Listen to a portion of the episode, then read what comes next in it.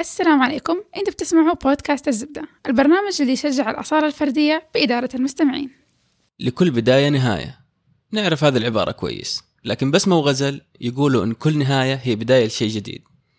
بسمة وغزل أنشأوا بودكاست اسمه اقلب الصفحة. بدأ البودكاست للعناية بالمطلقات والمطلقين لمساعدتهم في الخروج من محنتهم وهي الفترة القاسية بعد الطلاق. الآن هم بصدد إطلاق الموسم الرابع والمتابعين البودكاست زادوا كثير ومو بس المطلقين والمطلقات صار اهتمام البودكاست لأي مرحلة صعبة سواء في الطلاق أو أي أمر آخر مثل الخروج من وظيفة أو وفاة شخص عزيز.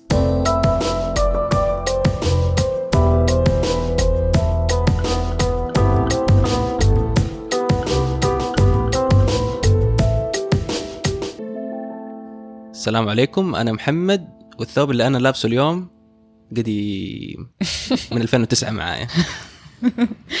إيش مفروض نقول؟ يعني إيش مفروض نرد؟ يلا عقبال 100 سنة. أنا بسمة ولابسة عباية خضراء. أنا غزل. يعني حنتكلم عن الملابس؟ فأيوة طيب عبايتي بيج. حلو ممتاز. طيب أنتوا مين؟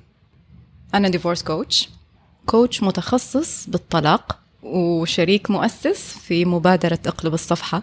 طبعا هو اللي ألهمني إني أصير coach هذه المبادرة منكم أنتوا الاثنين. إيوه أنا وغزل كنا صديقات من أكثر من كم؟ سبع سنين؟ أكثر حتى. واكتشفنا إنه هذا الشيء بيجمعنا تجربتنا في الطلاق. وكنا دائما أنا وغزل لما نتقابل آه، نتكلم نفضفض لبعض أنت إيش سويتي؟ طب أنا كنت سويت مع ولدي طب أنا كنت سويت مع أهلي.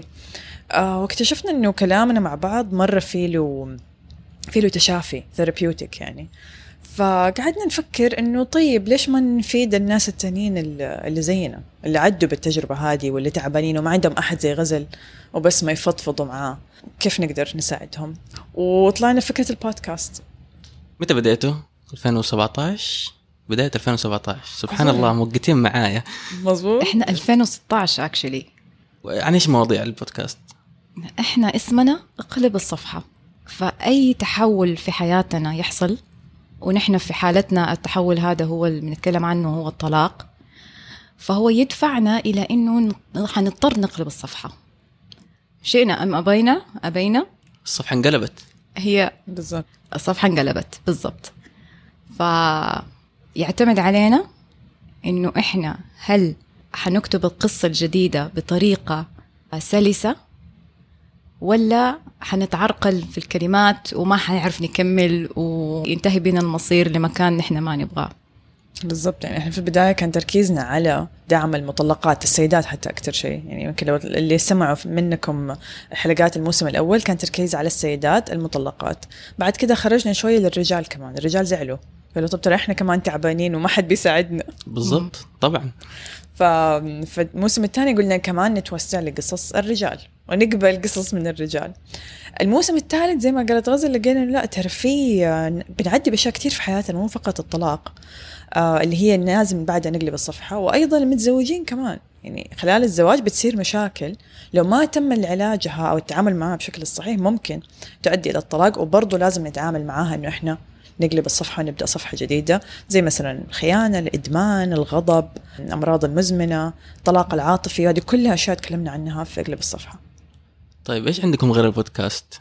طيب إحنا مرة عندنا طموح عالي فإحنا يمكن دحين نقول إيش عندنا وبكرة نطلع شيء جديد إن شاء الله على ما تنزل الله. الحلقة إن شاء الله نكون بدل أيوة. الحلقتين ثلاثة 20 فاحنا بدأنا بالبودكاست هذا أول منتج ممكن نسميه منتج لل- للمبادرة آم، بعد كده عرفنا إنه في احتياج إنه ننزل لل- للميدان ننزل نقابل الناس وجها لوجه. فبناء على هذه ال- الاحتياج ده نزلنا وبدأنا نعمل مجموعات دعم. حاليا بنسويها مرة في الشهر.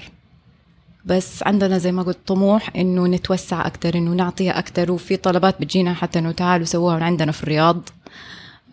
واضح واضح إنه في طلب. في طلب. في. احتياج. yes بالضبط. وإحنا طبعا بالتعاون مع coach برضو ندى حريري لأنه هي كانت بدأت فكرة ال support groups وإحنا منها حسينا إنه في الاحتياج وهي كمان يعني كان في قبول تعاون. منها أيوه. عمل تكاملي بينكم. بالضبط. فإحنا بنحاول نركز ونقول لهم يا جماعة ترى إحنا ما إحنا أخصائيين نفسيين فهذه ما هي مجموعة علاجية. فالناس كثير تقول طب أنا إيش حجي يعني هم يحسبوا حيجوا مجموعة الدم حيخرجوا خلاص كل مشاكلهم انحلت. إحنا بنقول لهم لا ترى ما هي ما هي علاج. آه هذه مجموعة دم يعني زي ما قلنا مجموعة فضفضة. كل واحد يجي بتجربته يتكلم يحس إنه ترى مو هو لوحده اللي عنده هذا الشعور مو هو لوحده اللي عدى بهذه التجربة. وبعدها بتخرج بإحساس مو شرط إنه مشاكلك انحلت بس ترى أنا ماني لوحدي في العالم ده. وفي ناس أقدر أتكلم معاهم من غير ما يحكموا علي أو يسيئوا فهمي أو من غير ما هم يعني ياخذوا موقف مني. كيف قدرتوا تجيبوا الناس وتخلوهم يفضفضوا عن أشياء جدا خاصة؟ يعني إحنا ما إحنا متعودين ابدا نتكلم مع غرباء أصلا. صحيح. يعني إحنا مجتمع مرة. يعني ما عندنا مثلا خصوصي. قطارات محطة قطار أقابل واحد ينتظر معي نفس القطار فنقعد نتكلم سوا نتناقش.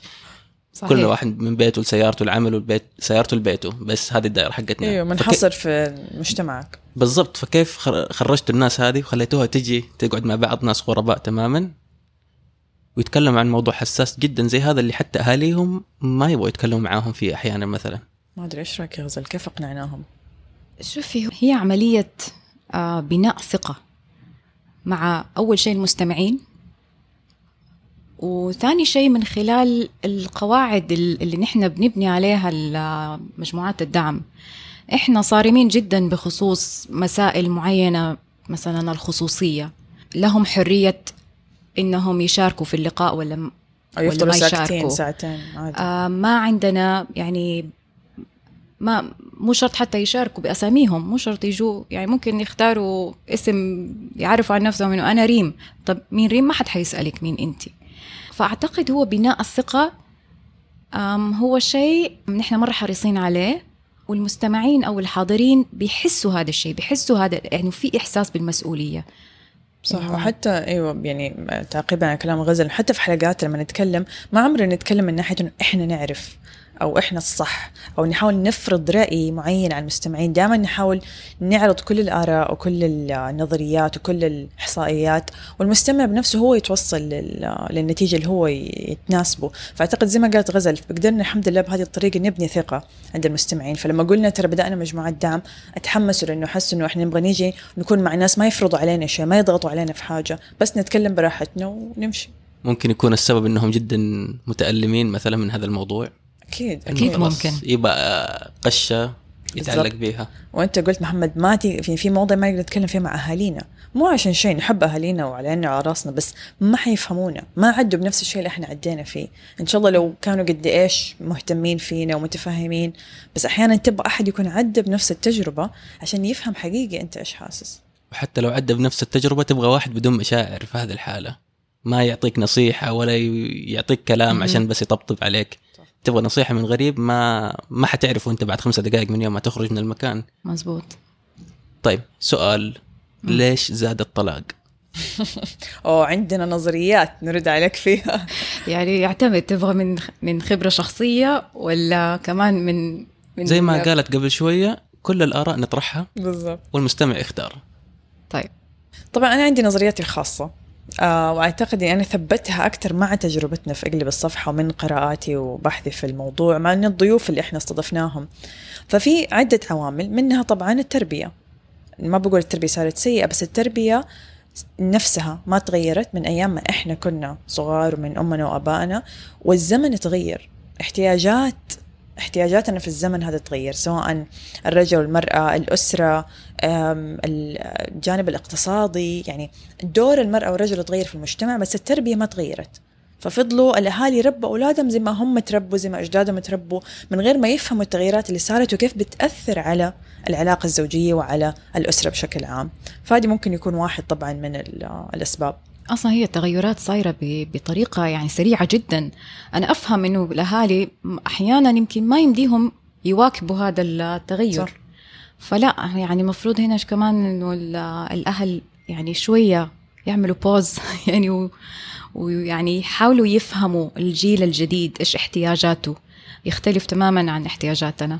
أيوه وما. وما يربوهم إنه الزواج شيء خلاص من المعطيات يعني for granted لا ترى الزواج يبغى له مجهود. واللي لاحظته الأمهات والأبهات ما بيربوا أولادهم على هذه الطريقة.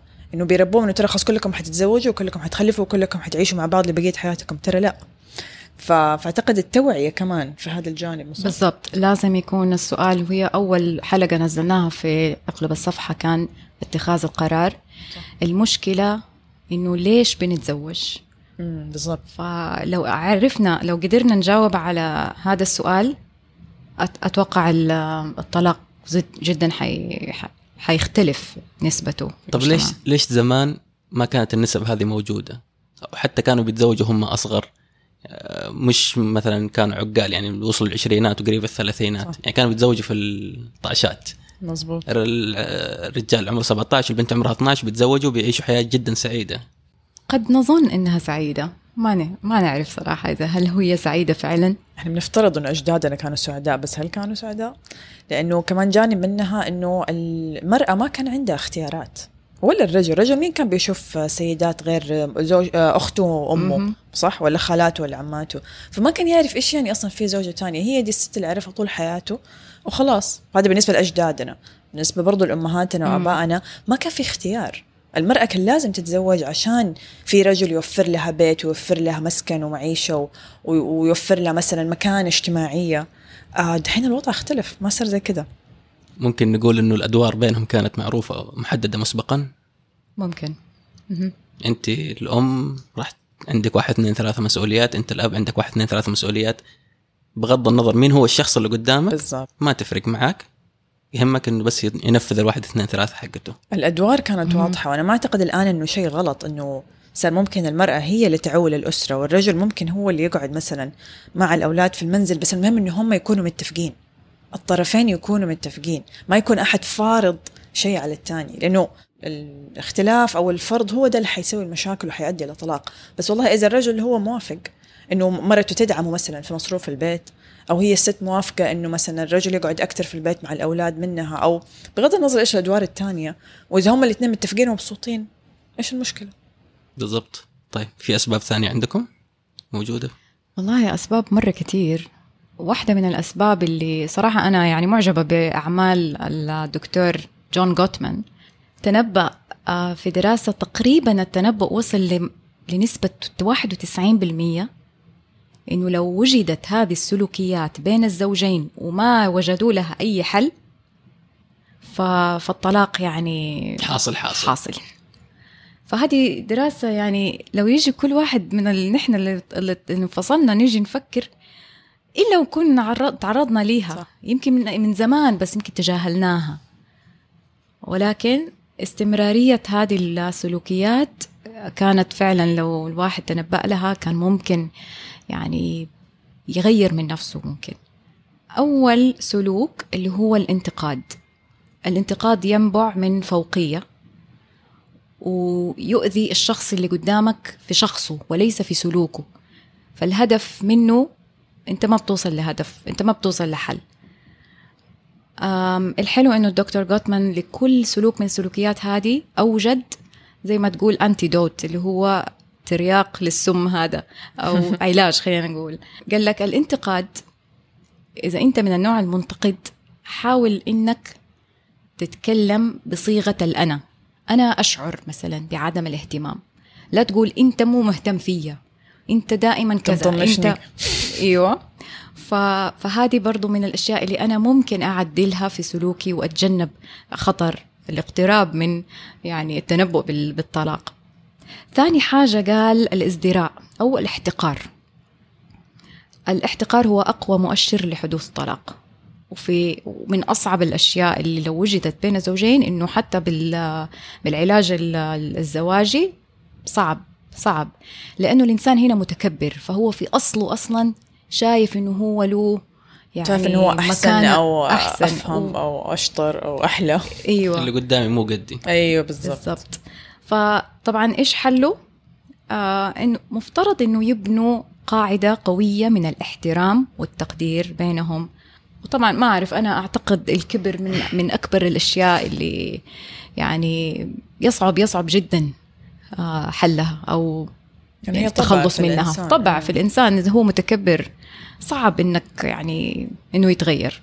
طب ممكن نحلها مثلا من قبل الزواج إنه يكون في توافق بينهم؟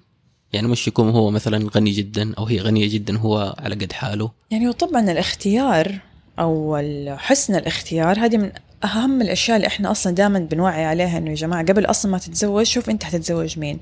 تكافؤ. التكافؤ يمكن مم. في في البيئة أو في العائلة وكذا ممكن يكون مؤشر بس برضه مو دائما يعني يعني شفنا قصص كثير كان بيئات مختلفة وكان الزواج ناجح لأنه هم الإثنين قدروا يوقفوا في وجه الاختلافات هذه وما يخلوها تأثر عليهم. مم. فاذا اذا الاختيار الشخص أكيد قبل كمان عيلته قبل أصله أو الخلفية حقته. إنه على الأقل يكون عندهم أشياء متوافقة زي مثلا القيم الفاليوز اللي عندهم مثلا يبغوا يخلفوا ما يبغوا يخلفوا. هو حيبغاها تشارك معاه في مصروف البيت أو لا. يحبوا السفر ولا ما يحبوا السفر. أشياء مرة بسيطة بس ترى تفرق على الحياة اليومية والاحتكاك اليومي. هذه اللي اكتشفوا المواضيع اللي بتسبب مشاكل وممكن تؤدي إلى الطلاق طيب نيجي على ثالث سلوك اللي هو الاندفاعية أو بعض الناس سموها الدفاعية. يعني واحد من الطرفين يحط نفسه موضع الضحية. طبعا هذا يجعل بحاول أجيب مثال. إنه الشخص الثاني يدافع عن نفسه يقول يدافع عن أيوه. نفسه. إنه أنا أنا دائما يعني أنت حطمتني أنت كسرت قلبي. هذه الضحية ف... هذا يخلي الطرف ال... هذا اللي بي... بيمارس السلوك ده في وضعية إنه ضحية. إنه أنا مسكين إنه أنا مالي يعني أنا, أنا غلابة. أيوه. ف... فبالتالي هذه الوضعية دي ما تسمح له إنه هو يشارك في تحمل مسؤولية خطأه أو إنه يعني يتحمل جزء من ده الخطأ. يعني أنا بتكلم عن سلوكيات هذه مستمرة. أحيانا تحصل. يحصل إنه نحن نكون في وضع دفاعي يحصل يحصل إنه نحن نكون في وضع مثلا انتقادي. بس ما هو سلوك يعني خلاص متجذر فينا ومستمر ومستمر. يعني أيوه. و... إيوه بالنسبة لل للأنتيدوت للعلاج هنا لازم إنسان شوية يوقف ويقول معك حق. أيوه أنا أتحمل برضو جزء من ده الخطأ. وهذه تحتاج شجاعة صراحة. طبعا. إنسان متعود طول الوقت إنه في وضع ضحية ويجي يقول لك بعدين لا أنا أنا معك. الزواج كله يحتاج شجاعة. هذه نختم فيها كلها. طيب خامس حاجة اللي هو التجنب أو الستون وولينج التجنب يعني لو لما تحصل مشكلة بين اثنين تيجي تلاقي الواحد مثلا سكت ورفع جواله أو أو يعني كأنه بيطنش. الثاني الثاني لسه ما خلص كلامه وهذا راح يتصرف سلوك يعني يلهي نفسه. طبعا للأسف الرجال مرة شاطرين في هذا السلوك. أنا آسفة يا محمد واعتذر للرجال اللي بيسمعونا ولكن هذه حقيقة. فهذا هروب. هذا هروب. أنت ما تبغى تسمعها. لا تضحك وتقول أنا سامعك أنا سامعك. ترى أنت ما تبغى تسمعها. لا وبعض الأحيان يكون خوف من المواجهه بعض الأحيان وينبع كمان حسب هو شايف نفسه عليها شوية. إنه أنا أنا ما حرد عليك. سيبيها تفضفض سيبها تفضفض أيوة. وتطلع علي أيوة. في راسها فهي تعطي انطباع للشخص الثاني إنه ترى يعني أنت آذيتني يعني سلوك مؤذي فعلا. إيش ممكن نسوي إذا إحنا من النوع اللي نتصرف بالطريقة دي؟ نهدي نفسنا. ونقول للشخص لا نقول له خل... يعني نقول له أسمع لو سمحت أنا أحتاج شوية مساحة. أحتاج شوية مساحة. حتتكلمي دحين ما حسمعك. بالضبط. خمسة دقائق أيوه. تعبان جاي من الدوام. حتى مو خمسة دقائق الدكتور جوتمان بيقول يعني up to 20 دقيقة. خذ راحة. روح اشرب خد حاجة نفس. أخرج خذ لك لفة وارجع تاني وبعدين أقعد معاه وأفتح موضوع. فهذه من الممارسات الصحية. يعني إحنا بنسوي كثير من هذه الأشياء صراحة بين فترة وفترة لأنها ما هي طبع متجذر فينا. بس نعترف إن إحنا بنسويها ونحاول نتعلم نتعلم اللي هي الأنتيدوتس العلاجات أو كيف إني أنا ما أخليها مستمرة في زواجي. برضو أعتقد كمان جزء من سبب الزيادة في الطلاق إنه صار عندنا في مجتمعنا بالذات صورة سلبية عن الطلاق وصار فيها شيمينج في إحساس بال بالعار. إنه آه أنا عندي مشاكل في زواجي أنا ماني مبسوط في زواجي أو مثلا أنا بفكر أتطلق. فيصيروا الناس تخاف تخاف تتكلم في الموضوع تخاف تطلب مساعدة لأنه بالنسبة لها ده إحساس بالفشل. ليه؟ لأنه في الإعلام وفي المجتمع الطلاق هو فشل. آه الطلاق معناته أنت فيك مشكلة أو هي المرأة فيها مشكلة أو أنت ما تعرف كيف تحافظ على بيتك أو أو أنت مثلا انك عملت شيء غلط. ف...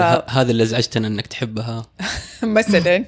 فيحسسوه الإنسان بالفشل أو إنه طبعا اختياره كان غلط وما حد يحب يحس كذا حتى لو كان كبير أو صغير. فطبعا الناس صارت تخاف أصلا تطلب مساعدة. فلما تبدأ تصير عندي مشاكل. أنا مثلا زوجت الإنسان اللي أبغاه واللي احبه بس بدأت تصير مشاكل مستحيل أروح أقول لأهلي أو أتكلم مع أحد منهم.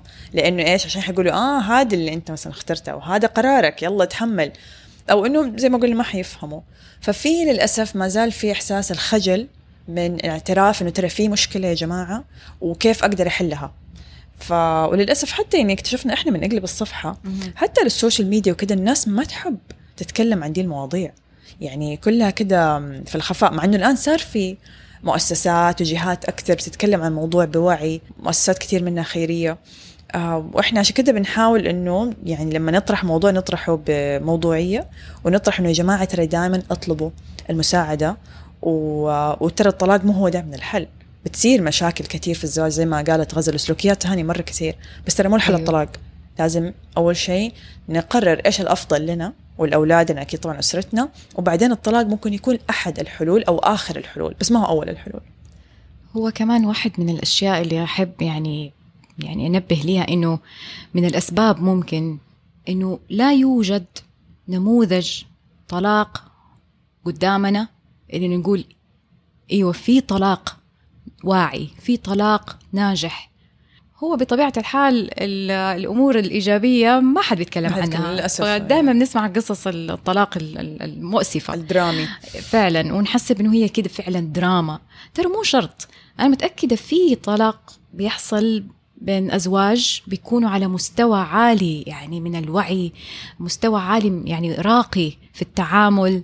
و وبس هو مجرد إنه هم انفصلوا يعني وجدوا إنه الحياة هذه ما ما بتخدمهم ما ب ما بتؤتي يعني ثمارها يعني ما يمكن يمكن حتى بت بت بتأذيهم.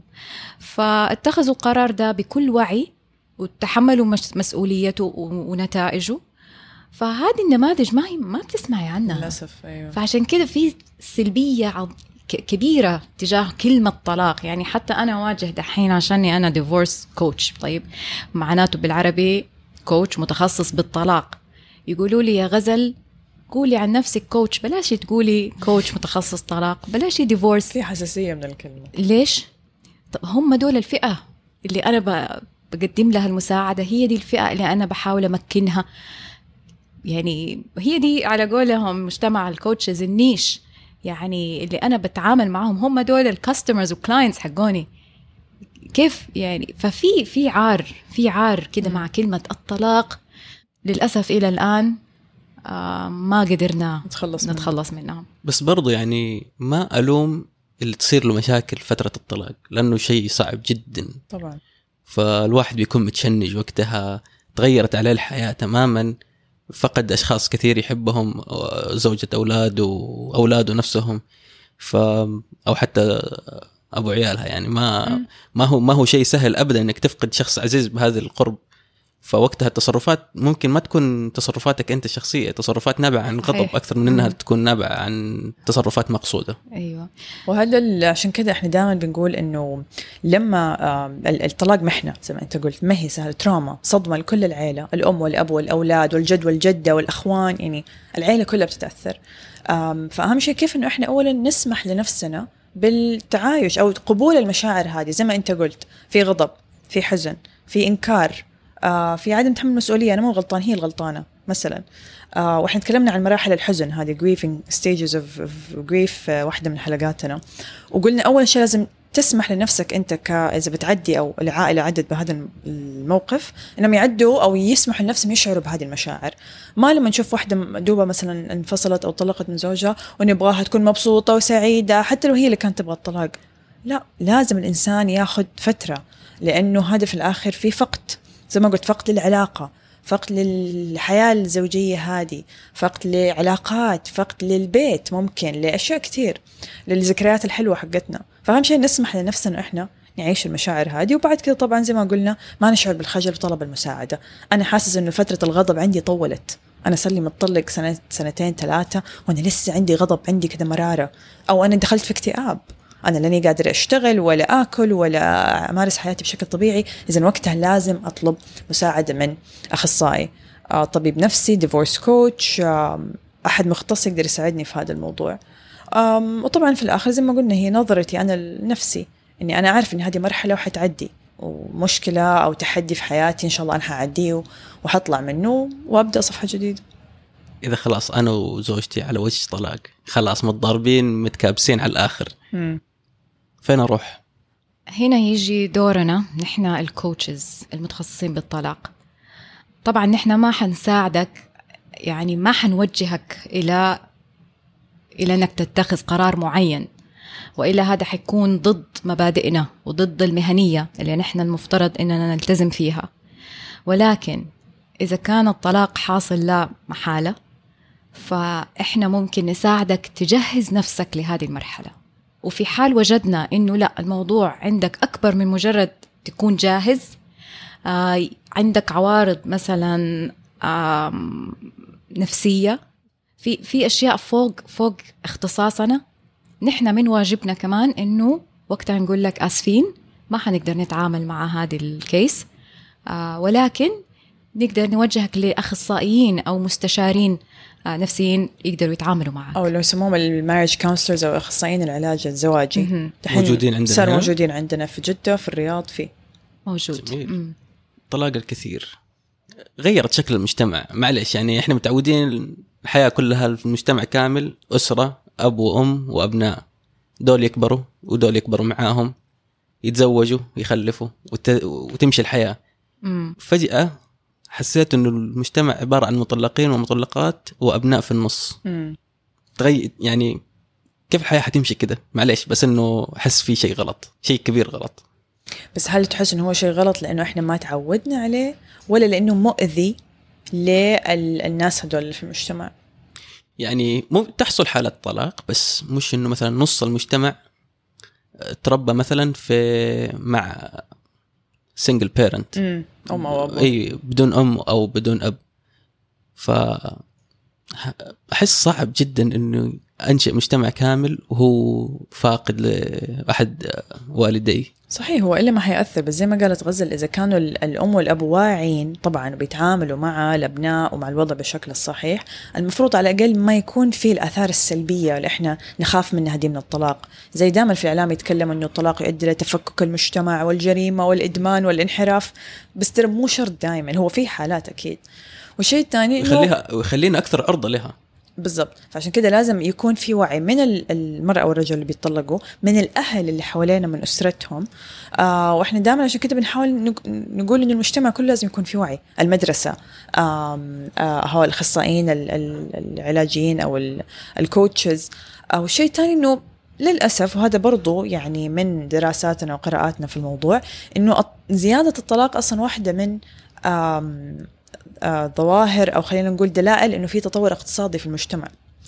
يعني اكتشفوا مثلا في أمريكا إنه لما زادت حالات الطلاق متى بدات تزيد حالات الطلاق لما المرأة مثلا صار عندها فرص أكثر للعمل. وزي ما قلنا مثلا مع تغيير دور الرجل ما صار هو دائما مثلا المعيل الأول للاسره فللأسف صحيح هي ظاهرة وممكن تكون ظاهرة سلبية في بعض الأحيان ولكن هي حاصلة ما نقدر نمنعها. بس أهم شيء نقدر إحنا نوعي الناس يا جماعة كيف تتعاملوا معها كيف تتفادوها اولا؟ وإذا حصلت كيف تتعاملوا معها بالشكل الصحيح؟ وكيف بعدها تقدروا أنتم تبدأوا حياة جديدة وتتزوجوا ثاني وتبدأوا أسرة ثانية. والحياة تستمر؟ أنا أحس إنه المسألة مو بس مسألة عدد المسألة كمان يعني جاء على بالي إنه يا ترى هل في دراسة مقارنة بين أثر الأسرة هي شكلها ظاهري من برا إنهم متزوجين. أثر الأسرة بس أنا ف- أسميها مفككة حتى لو إنها في عقد زواج بين الاثنين. أثرها على الأطفال مقارنة بأثر الطلاق على الأطفال. هنا نفسي فعلا يكون في دراسة مقارنة. بس الطلاق الواعي طبعا لو كان طلاق صحيح قصدك ولا أي طلاق؟ خلينا نبدأ بأي طلاق. أتمنى بس ألاقي دراسة. فأتوقع ما أعرف أنا ما أقدر أتوقع هذه دراسات يعني في علم الاجتماع وكذا. ولكن نحن نعترف إنه حتى لما يكون الزواج غير مستقر و أو متفكك. صح. صورته اللي بنعطيها للأولاد صورة غير صحية تماما. آه برضو الطفل بيحس بعدم الأمان بيحس ممكن إنه ما حد بيحبه بيحس بالإهمال. فهذا في وسط زواج يعني عائلة متز... يعني متزوجين وتلاقي هذا الأثر على أطفالهم. فلا نلوم الطلاق ونقول هو سبب في إنه الأطفال بيتأثروا. لا حتى الزواج لما يكون بطريقة ما هو صحي ما هم سعيدين الأطراف اللي فيها فهم ما بيقوموا بدورهم كما يجب للأطفال هدول. وما بيعكسوا صورة صحيحة عن الزواج اللي هو أولادهم حيكرروا هذا السلوك مرة تانية من باب إيش؟ لازم أتزوج من باب لازم يعني صورة في صورة مجتمع يعني نمطية معينة في المجتمع عن صورة الزواج و... ومين أنا لازم أتزوج. فبالتالي نحن حنعيد يعني حندخل في نفس نفس الدوامة. الدوامة. قبل ما نتزوج أول نصيحة من أهالينا مشاكلكم خلوها في بيتكم. صح. وأول لوم يجينا بعد الطلاق ليه ما جوتوا من بدري؟ مزبوط. ما في تناقض. أكيد طبعا. ما عشان كده بنقول في قلة وعي. أنا لما أجي قبل ما أهيئ بنتي أو ولدي للزواج وهذا تكلمنا عنه كيف الحلقة إن شاء الله الجاية اللي حتنزل من اقلب الصفحة كيف أهمية الوعي قبل الزواج؟ طب أنا صحيح بأنصحهم واقول لهم خلوا أسراركم لبيتكم بس إحنا قصدنا الأشياء الصغيرة. بس ما علمناهم ووعيناهم ترى في أشياء ما ينسكت عليها. لو الرجل ضرب زوجته لو أحد الطرفين صار عنده حالة إدمان لو كانت في مثلا طرف ثالث دخل الموضوع مثلا لو صارت في خلينا نقول مثلا خيانة أو صار في مشكلة مثلا مرض مزمن يعني في مشكلة عويصة صارت الرجل دخل في قضية أو سجن أو جريمة. يعني في أشياء أكيد لازم نعلم أولادنا أو المقبلين على الزواج إنه في أشياء ما ينسكت عنها. العنف اللفظي ولا العنف الجسدي مثلا من الطرفين سواء دحين من الرجل أو المرأة. وفي الأشياء اللي هي الأشياء الصغيرة اللي هو قالت لي وقلت لها وقفلت الباب في وجهي و... وما رضتني قبل ما أنام. أشياء بسيطة إحنا عارفين ثاني يوم هم حيحلوها مع بعض لحالهم. فاذا هنا دور الأم والابو قبل ما يتزوج أولادهم انهم يوعوهم. إيش المشاكل اللي أنا لازم أخليها لنفسي بيني وبينها نحلها مع بعض؟ وإيش انواع المشاكل اللي لازم أدخل أحد في الموضوع؟ مو أدخل بس إنه أطلب استشارة م. من أحد. طيب كيف نتفادى الطلاق؟ عشان نتفادى الطلاق أحس لازم نسوي أشياء طول فترة الزواج. بالزبط. عشان نتأكد بس إنه إحنا ما إحنا ماشيين في طريق غلط. أول شيء عشان نتفادى الطلاق. ما نتزوج. ما نتزوج. الحين قلنا الزواج للشجعان. دحين تقول الناس لا تتزوجوا مشكلة. هو بالضبط للشجعان. إذا أنت شجاع انزل الساحة. لا والله من جد. أسس الاختيار. نحن كيف بنختار؟ كيف بنختار شريك حياتنا؟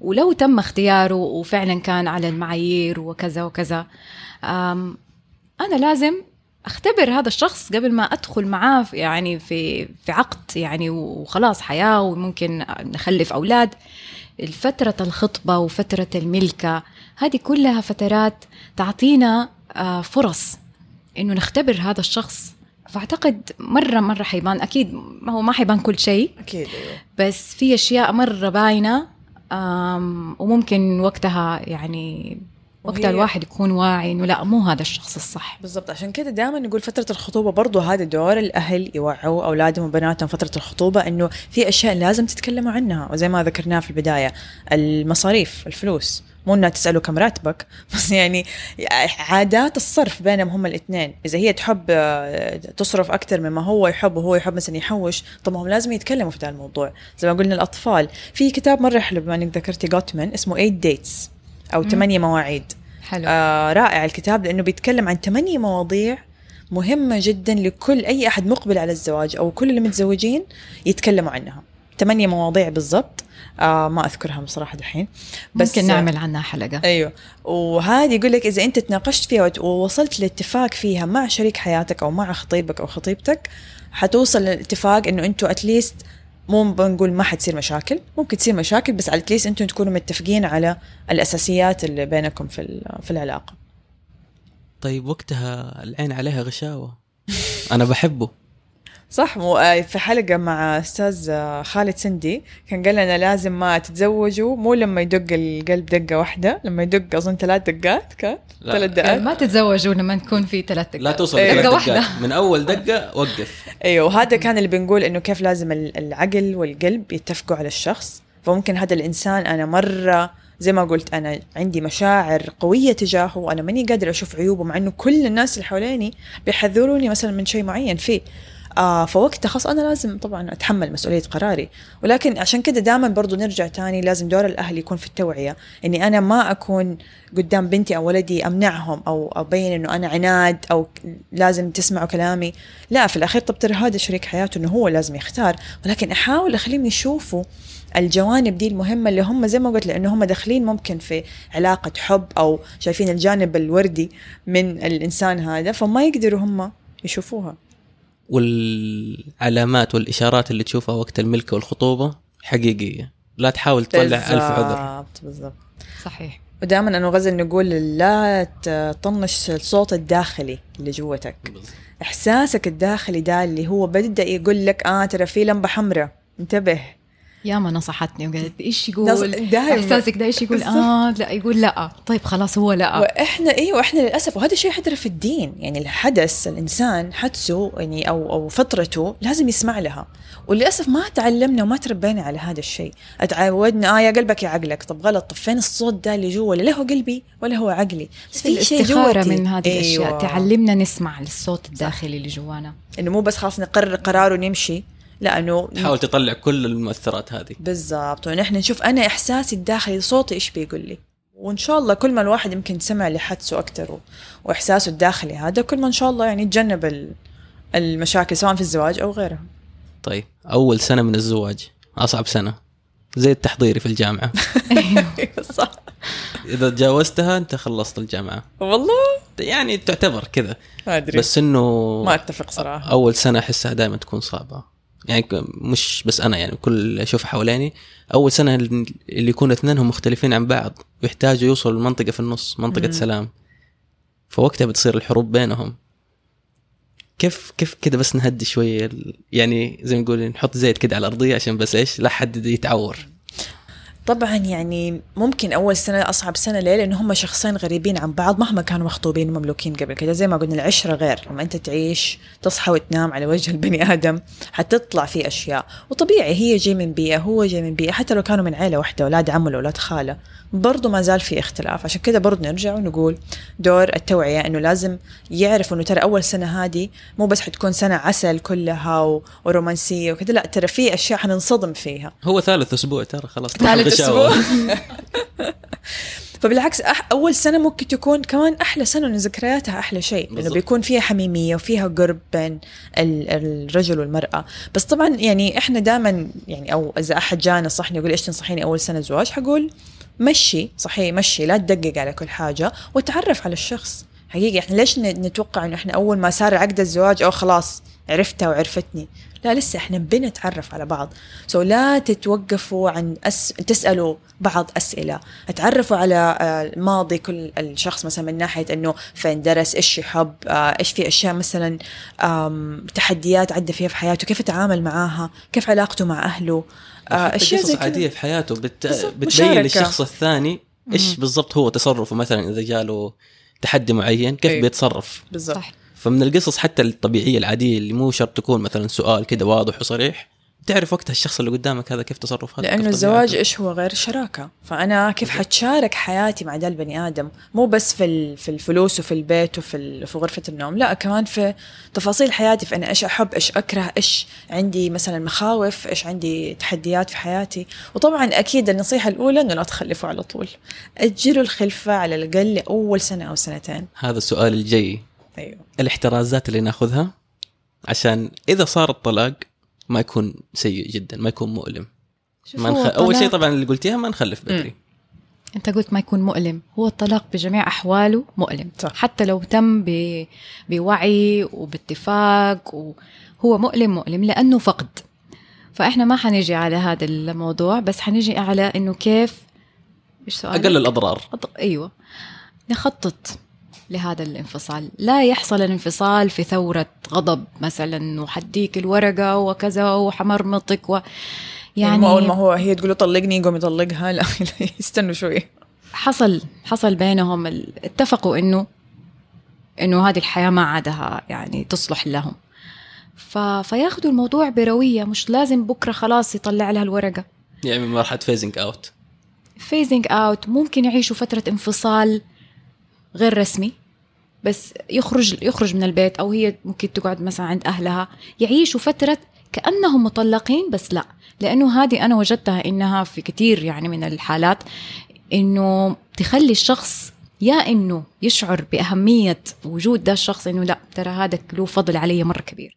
وأنا أظن أقدر أسامحه وأقدر يعني we can work it out نقدر نشتغل على العلاقة وننجحها ونتخطى هذه الأزمة. وتكون فترة يعني يعني شهر. مرحلية في حياتهم فترة يتعلموا منها هم الاثنين. زي ما تقول يعني أحد ضربهم كف يعني. ممكن تكون أحد إنه هذه الفترة تصحيهم. أو على الأقل يفكر بعيد عن الضغط. بالضبط. صحيح. أو على الأقل إنه ما ما يدخل مشاكل جديدة في حياته يوقف المشاكل يوقف النزيف هذا.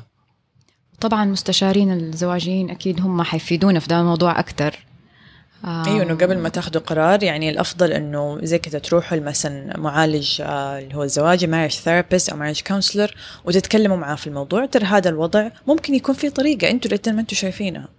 بس لو خلاص يعني زي ما قلنا إنه صار القرار واتفقوا الطرفين وممكن ما يكون في أطفال بس على الأقل يعني يكون في حفظ.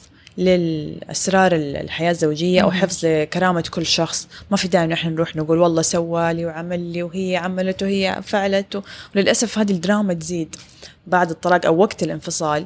ويفضلوا كأنه الناس بينتظروا واحد فيهم يقول كلمة غلط على الثاني عشان يمسكوها عليه.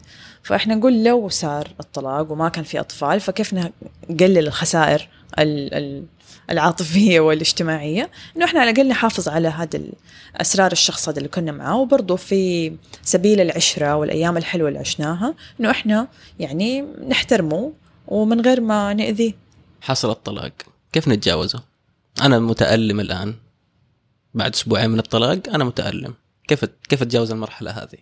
أظن قلنا إنه تعيش تعيش الألم. وتعترف بإنك متألم. لا تحاول تهرب منه وحاول تجد لنفسك مجموعة دعم خاصة فيك أنت. مين أكثر ناس تحس بارتياح لما تكون معاهم؟ مو شرط إنك حتى تحكيهم بس مجرد وجودك في بيئة أنت تحبها هذا مرة حيساعدك. ممكن تفضل ساكت يعني ممكن تكون حوالين أصحابك دول اللي بتحبهم وتفضل ساكت بس من جوا يعني حاسس. في امتنان لوجود هدول الناس حواليك. وفي امت- امتنان كمان إنه لو أنت قررت إنك مثلا تتكلم مع شخص فيهم حيسمعوك. الأهل أكيد. إحنا مجتمع يعني مترابط. الأغلب إنه مجتمع مترابط. عندنا يعني قضية زي قضية زواج أو طلاق أو قضية تعتبر ما هي قضية فردية قضية زي. برا. زي برا هم الاثنين اللي قرروا يتزوجوا وخلاص يعني. بس هنا لا هي مسألة عائلية يعني العائلة بكبرها تدخل في مواضيع زي دي. فما نقدر نجنبهم. حلو إنه نشركهم معانا حلو إنه نفتح لنا نفتح لهم قلوبنا ونقول لهم ترى إحنا متألمين. يعني اعذرونا لو إحنا مقصرين مثلا الفترة هذه. الفترة هذه أنا محتاجكم معايا. هي مرة تاخذ شجاعة صراحة إنه الواحد يعني يطلب. أنا عارفة مرة تقيلة علينا. نحن كمان مجتمعات عندنا كرامة وعندنا يعني أنفة إنه لا أنا ما أحتاج يعني. أنا الحمد لله ما في شيء. لا فيها شيء. فيها شيء. أنا حزين. أنا فاقد. آه، أنا ماني يمكن ما أفتقد الشخص. وح- وحتى لو افتقدته فهو يعني ما فيها شيء. ولكن إني أشرك أهلي معاه في علي دور إنه أشركهم معايا. وبعد كده لو من لو شفت إنه الموضوع استمر فترة ط- طالت علي الفترة دي آه وقتها لازم لازم أطلع من ال- الجوده لازم أشوف مساعدة وأسأل أسأل وأستشير. يعني زي ما قلنا ما نخجل من طلب المساعدة هذا أهم شيء. ونعطي لنفسنا وقت لأنه ال- الحالات هذه أو المرور بمراحل الحزن هذه سواء بعد الطلاق بعد موت يا لطيف بعد حدث كبير في حياتنا آه، هي زي roller coaster. أنت طالع نازل طالع نازل. في ناس تقول طب أنا صار لي مطلق خمس سنين ليش فجأة أنا لسه جاني حزن أو جاني غضب واكتئاب؟ طبيعي لأنه الكل شخص بيخت... بيتعامل مع ال trauma والصدمة هذه بشكل مختلف.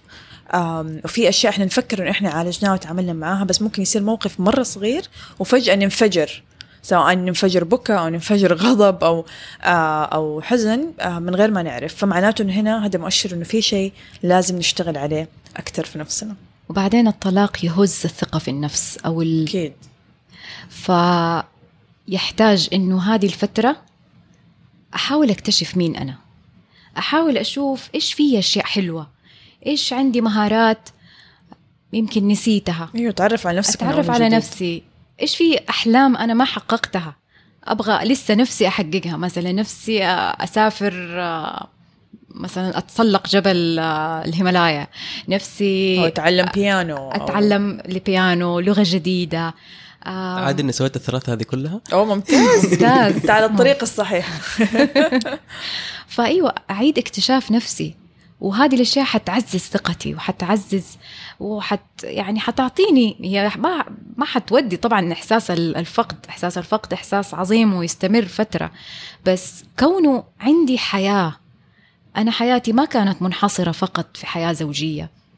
أنا أنا حياتي أعظم من كده. أنا لي دور في الكون في دور ألعبه. غير إني أكون زوجة. مراحل الفقد الخمس. حاجة طال- طلعت شائعة كذا أخيرا أه، كلمونا عنها. أعتقد أنكم خبراء شوية فيها. أيوه سجلنا فيها حلقة. ف... فايوه تبدأ بأول حاجة وهي مو شرط تكون مترتبة بهذا الترتيب اللي إحنا حنذكره بس في الأغلب هي تبدأ بالإنكار إنه الواحد مش مصدق. لا أنا أنا مو مو معقول. لا ماني مصدق اللي صار. كيف أنا يعني- يصير لي كده؟ أيوه. آه وتلاقي حتى مشاعره إحنا نسميها فلات يعني ما هو ما هو لا حزين ولا هو فرحان. فيعني فعلا حتى هو يكون أحيانا. إنه لا عادي. هو منكر. هو منكر إنه هو يعني لسه في في سبحان الله يعني آه، هي صدمة كبيرة. وكثير مننا يتعامل مع الصدمات الكبيرة بحالة إنكار. وهي زي الحماية يعني لو جاء الخبر كده يعني يعني أنا ممكن أتحطم ما أتخيل نفسي مثلا بالذات إذا أتحمل. ما كان الطلاق قرار الشخص هو وقع عليه سواء الرجل أو المرأة. فهذه فترة جدا صحية إنه يعني إنه عشان يستوعب بس إنه عشان يوقف شوية ويستوعب اللي صار ويبدأ يفكر. وشوية شوية حينتقل للمراحل اللي بعدها اللي هو الغضب. إنه يشعر إنه في غضب مثلا ال- الشخص هذا ظلمني آه ضحك علي آه مثلا ممكن يكون خانني ممكن يكون آه كذب علي ضيعت عليه أحلى سنين شبابي. هذه كلها. بيبدأ يطلع الغضب اللي عنده إنه في البداية كان لا أنا ما صار لي شيء وبعدين فجأة صار لي أنا. طب تبدأ تطلع مشاعر الغضب هذه سواء من الشخص أو من الوضع أو من أشياء كثير. وثالث مرحلة اللي هي ال bargaining اللي هو التفاوض. لا لا أديله فرصة. لا يعني في يعني الواحد بين هنا وبين هنا. ما أعتقد ده قرار صح. يمكن لو كذا يمكن لو كذا. يمكن فيبدأ أرجع لي احسن أرجع له. أحسن. أتحمله يتحملني. مو أروح مثلا أتزوج أحد ثاني ما يعرفني. يعني بنوصل لهذا التفكير. أيوه. اللي بعدها ال depression أو ال- الاكتئاب. آه طبعا هنا نسميه عشان كمان برضو حل... سجلنا حلقة عن الاكتئاب في فرق بين الاكتئاب الخاص بهذه المراحل وبين الاكتئاب ال- المرضي المرض، إيه. أو الإكلينيكي اللي يحتاج هنا تدخل حتى يعني طبيب آه آه نفسي هنا الاكتئاب اللي هو ممكن نقول في مود كده معين عايش فيه الشخص برتيبة معينة يفقد فيه المشاعر يفقد شوية. فيها الرغبة مثلا في الأكل يفقد فيها النوم أو إنه بالعكس ينام كثير بالضبط بالضبط هي أعراض الاكتئاب. بس ما ما هي مستمرة. هنا أقول ما هي مستمرة. بس إنه في حالة الزواج أتوقع إنها تستمر ممكن حتى ممكن، إيه. بضعة شهور يعني. مم. والله أنا أشوفها أيوة بتستمر مع الناس كثير فترة. ولا بأس إنه هنا الواحد يعني ياخد ياخد أدوية لهذا الشيء. إذا كان فعلا حياته متوقفة ولو كان عنده مسؤوليات وعمل وأولاد يروح ياخذ أدوية. لوحده. الدكتور لازم يكتب لكم هو الأدوية. لا إحنا بنتكلم هنا مع ناس واعية وعارفة متى تاخذ الدواء تاخذه مع استشاره الطبيب طبعا. طيب آخر واحدة؟ الأكسبتنس. الأكسبتنس. أعتقد هذه مرحلة يعني شهر العسل الجديد. إن شاء الله إن شاء الله. إيوه لما خلاص الإنسان يتقبل يعني طبعا هنا الدور كمان يلعب إنه آه هذا نصيب ربنا كتب لي كده أني أدخل في هذه التجربة وأتعلم منها. وأتعلم شيء عن نفسي وأنضج بعدها في نضج بيصير آه صرت أعرف كيف أتعامل مع نفسي مع مشاكلي مع أهلي. إذا كان الأهل برضو لهم دور آه مع الناس كيف يقدر يبدأ يتعامل مع الناس كمان. فخلاص في تقبل في هدوء في كده سلام داخلي. أيوه. إنه الواحد ماشي في حياته خلص ماشي في طريقه. ما ما بي بينظر إلى الماضي وإيش صار ويقعد فيه وير ولو كذا صار لو ويقعد يعني في الدوامة دي. أيوه إنه في آه، ناس تفضل يعني تعلق في واحدة من المراحل وما تخرج منها. آه وهذه المشكلة اللي بتسبب أمراض نفسية أكثر وبعد كده ممكن حتى أمراض جسدية. آه فالطبيعي إنه الواحد يعدي بالمراحل هذه بس كل مرحلة ممكن تاخذ وقت أكثر من الثانية. وممكن فجأة زي ما قلنا يرجع لنا. إحساس مثلا قديم بالحزن أو بالغضب بس كيف إنه نقدر نرجع نطلع منه مرة ثانية طيب أحيانا أحتاج أتواصل مع الشريك بعد الطلاق. إيش الحدود؟ متى؟ كيف؟ أحيانا نحتاج لأنه يكون مثلا بيننا أولاد طبعا. يكون بيننا حتى ممكن يكون شغل مع إني مرة ما أحبذ إنه يكون في شغل بين أي زوج وزوجته. بس أحيانا يكون فعلا في بزنس ما خلص بينهم في أشياء ما انتهت. هو كيف طالما نتواصل؟ في أولاد فالعلاقة ما انتهت. بالضبط. حتى لو ما كان في. تواصل. يعني لازم يعني خلاص يعني يتقبلوها. انت خلفت منها هي أم أولادك وحتفضل أم أولادك لآخر يوم في حياتك. فلازم تتعامل معها على ده الموضوع. ف... فاللي يحصل لما لما الاثنين ينفصلوا وخلاص ما عاد يتواصل معاها ما عاد. طيب لو بينهم أولاد طيب يعني بالعقل يعني كيف ما هو كيف ما يتواصل يعني. معاها؟ لأنه في الأخير انت لسه أبوهم وهي لسه أمهم حتى لو أنتوا الاثنين ما أنتوا مع بعض. فعشان دائما وبرضه تكلمنا كثير في حلقاتنا عن هذا الموضوع. دائما طبعا لازم يكون في okay الاحترام زي ما قلنا الوعي. الحدود طبعا يمكن صعبة في البداية لأنه كثير يعني حالات مثلا إحنا بنشوفها بيصير في الطلاق ال- ال- ال physical أو يعني خلاص هم يتطلقوا فعليا ولكن عاطفيا هم لسه ما تطلقوا. هم لسه مرتبطين ببعض. مو شرط ارتباط يكون صحي ممكن يكون ارتباط سلبي اللي هو يسموه التوكسيك إنه هو تعود إنه هي دائما تأنبه مثلا وتسمعه كلام وهي تعودت إنه هو دائما مثلا يبغى يكون متحكم فيها أو يحاول إنه هو يستفزها. فهم الاثنين تعودوا على هذه العلاقة. فصعب عليهم فجأة بعد الطلاق إنه أنا خلاص ده الإنسان ما هو موجود في حياتي مثلا يستفزني أو أو يشك فيا. وهو نفس الشيء ما في واحدة طول الوقت تزن علي تقول لي أنت فين رايح وفين يعني فلين ما كان يصير الطلاق العاطفي ترى هنا يبغى لها كمان وقت. عشان كده دور الوعي مرة مهم أنا أكون واعي إنه أنا إيش نوع العلاقة اللي صارت بيننا هذه؟ صارت هي فقط علاقة زي ما قلنا بسبب الأولاد؟ هل هي كان فيها بشغل هل هو أصلا ما في علاقة؟ هل في الأعياد نبعث لبعض مسجات ونعيد على بعض بس عشان إحنا محترمين العشرة اللي كانت بيننا زي ما قلنا والأيام الحلوة؟ أو ممكن يكونوا عيلة.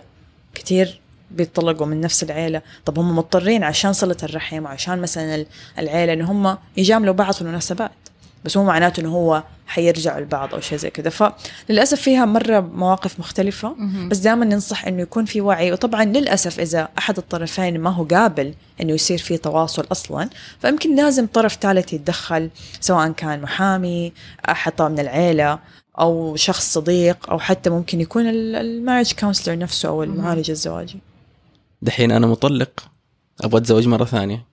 عندي baggage كبير من الزواج الأول. كيف أسوي صلح معه أساس ما يأثر ابدا على الزواج الثاني. أول سؤال أنت لما فكرت تتزوج مرة تانية هل أخذت فترة ال- مراحل الحزن اللي. اللي بنتكلم عنها اللي قلنا عليها لازم تعدي فيها؟ ويا ويل تدخل في علاقة وأنت في هذه المراحل. هنا حتظلم نفسك وحتظلم الطرف اللي أنت يعني دخلته معك أو دخلت معاه عاطفيا. فلازم أنت تكون متأكد من إنه ما عندك الباكج ده اللي جايبه معاك من العلاقة السابقة. صح ما هو سهل ما هو سهل. في كتير- ناس بياخد معاهم وقت مرة طويل. صح. وفي ناس يحسبوا إنهم عشان يعالجوا هذا ال- ال- الباكج اللي أنت قلت عليه يروح يتزوجوا تاني على طول. فتلاقي الرجال طلق من هنا وتزوج من هنا. طب ليه؟ عشان يعني إيه هو يعالج نفسه. لا هذا غلط. أو تلاقي أمه تقول له الله حجيب لك ست ستها ولا حتى ال- ال- المرأة. فهذا غلط يا جماعة لا تدخلوا في علاقة جديدة آه سواء كان خطوبة أو زواج إلا لما أنتم تكونوا زي ما قلت إحنا تعافينا. تعافينا شوية من ال ال ال التراما أو الصدمة اللي إحنا عدينا فيها من الزواج الأول. حتى لو كان إحنا برضانا وبكيفنا وما في دراما وما في مشاكل وما في أولاد بس زي ما قالت غزل هذا فقد. فأنا لازم أتعامل مع الفقد ده اعطي له وقته انه أنا شوي أطلع منه وبعد كده أقدر أفكر في الخطوة الثانية. خلاص وصلناكم للزواج الثاني. ننهيها فرحة شوية كذا نكدنا عليكم كثير الحلقة هذه. طيب وصلنا الآن إلى فقرة الزبدة. بسمة إيش زبدتك من الحلقة؟ زبدتي طبعا اولا شكرا.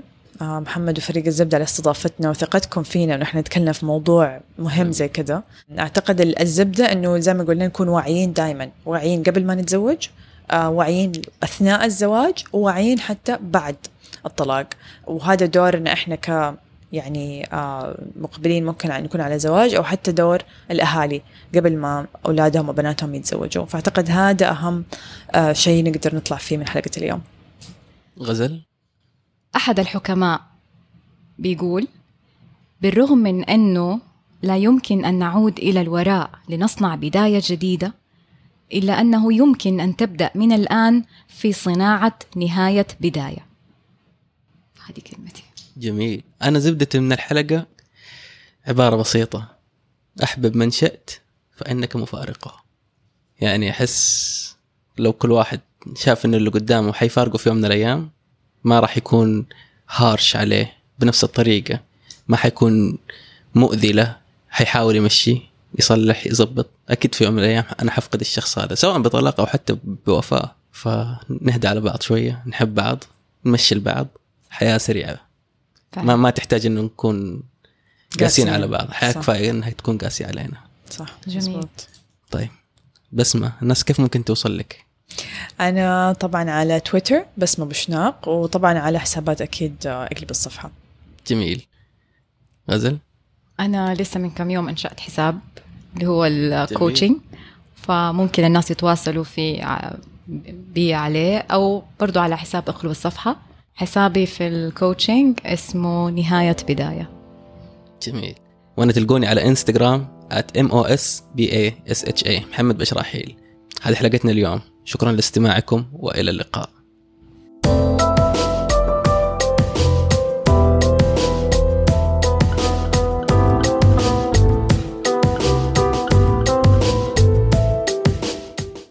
شكرا لاستماعكم. لا تفوتكم أي حلقة من الزبدة. اشتركوا على ساوند كلاود آي تيونز أو أي podcatcher. والزبدة صار بودكاست شهري بإدارة المستمعين أنتو. فتقدروا تتطوعوا لتنظيم الحلقة اللي تحبوها وحتلاقوا المعلومات كلها في صندوق الوصف.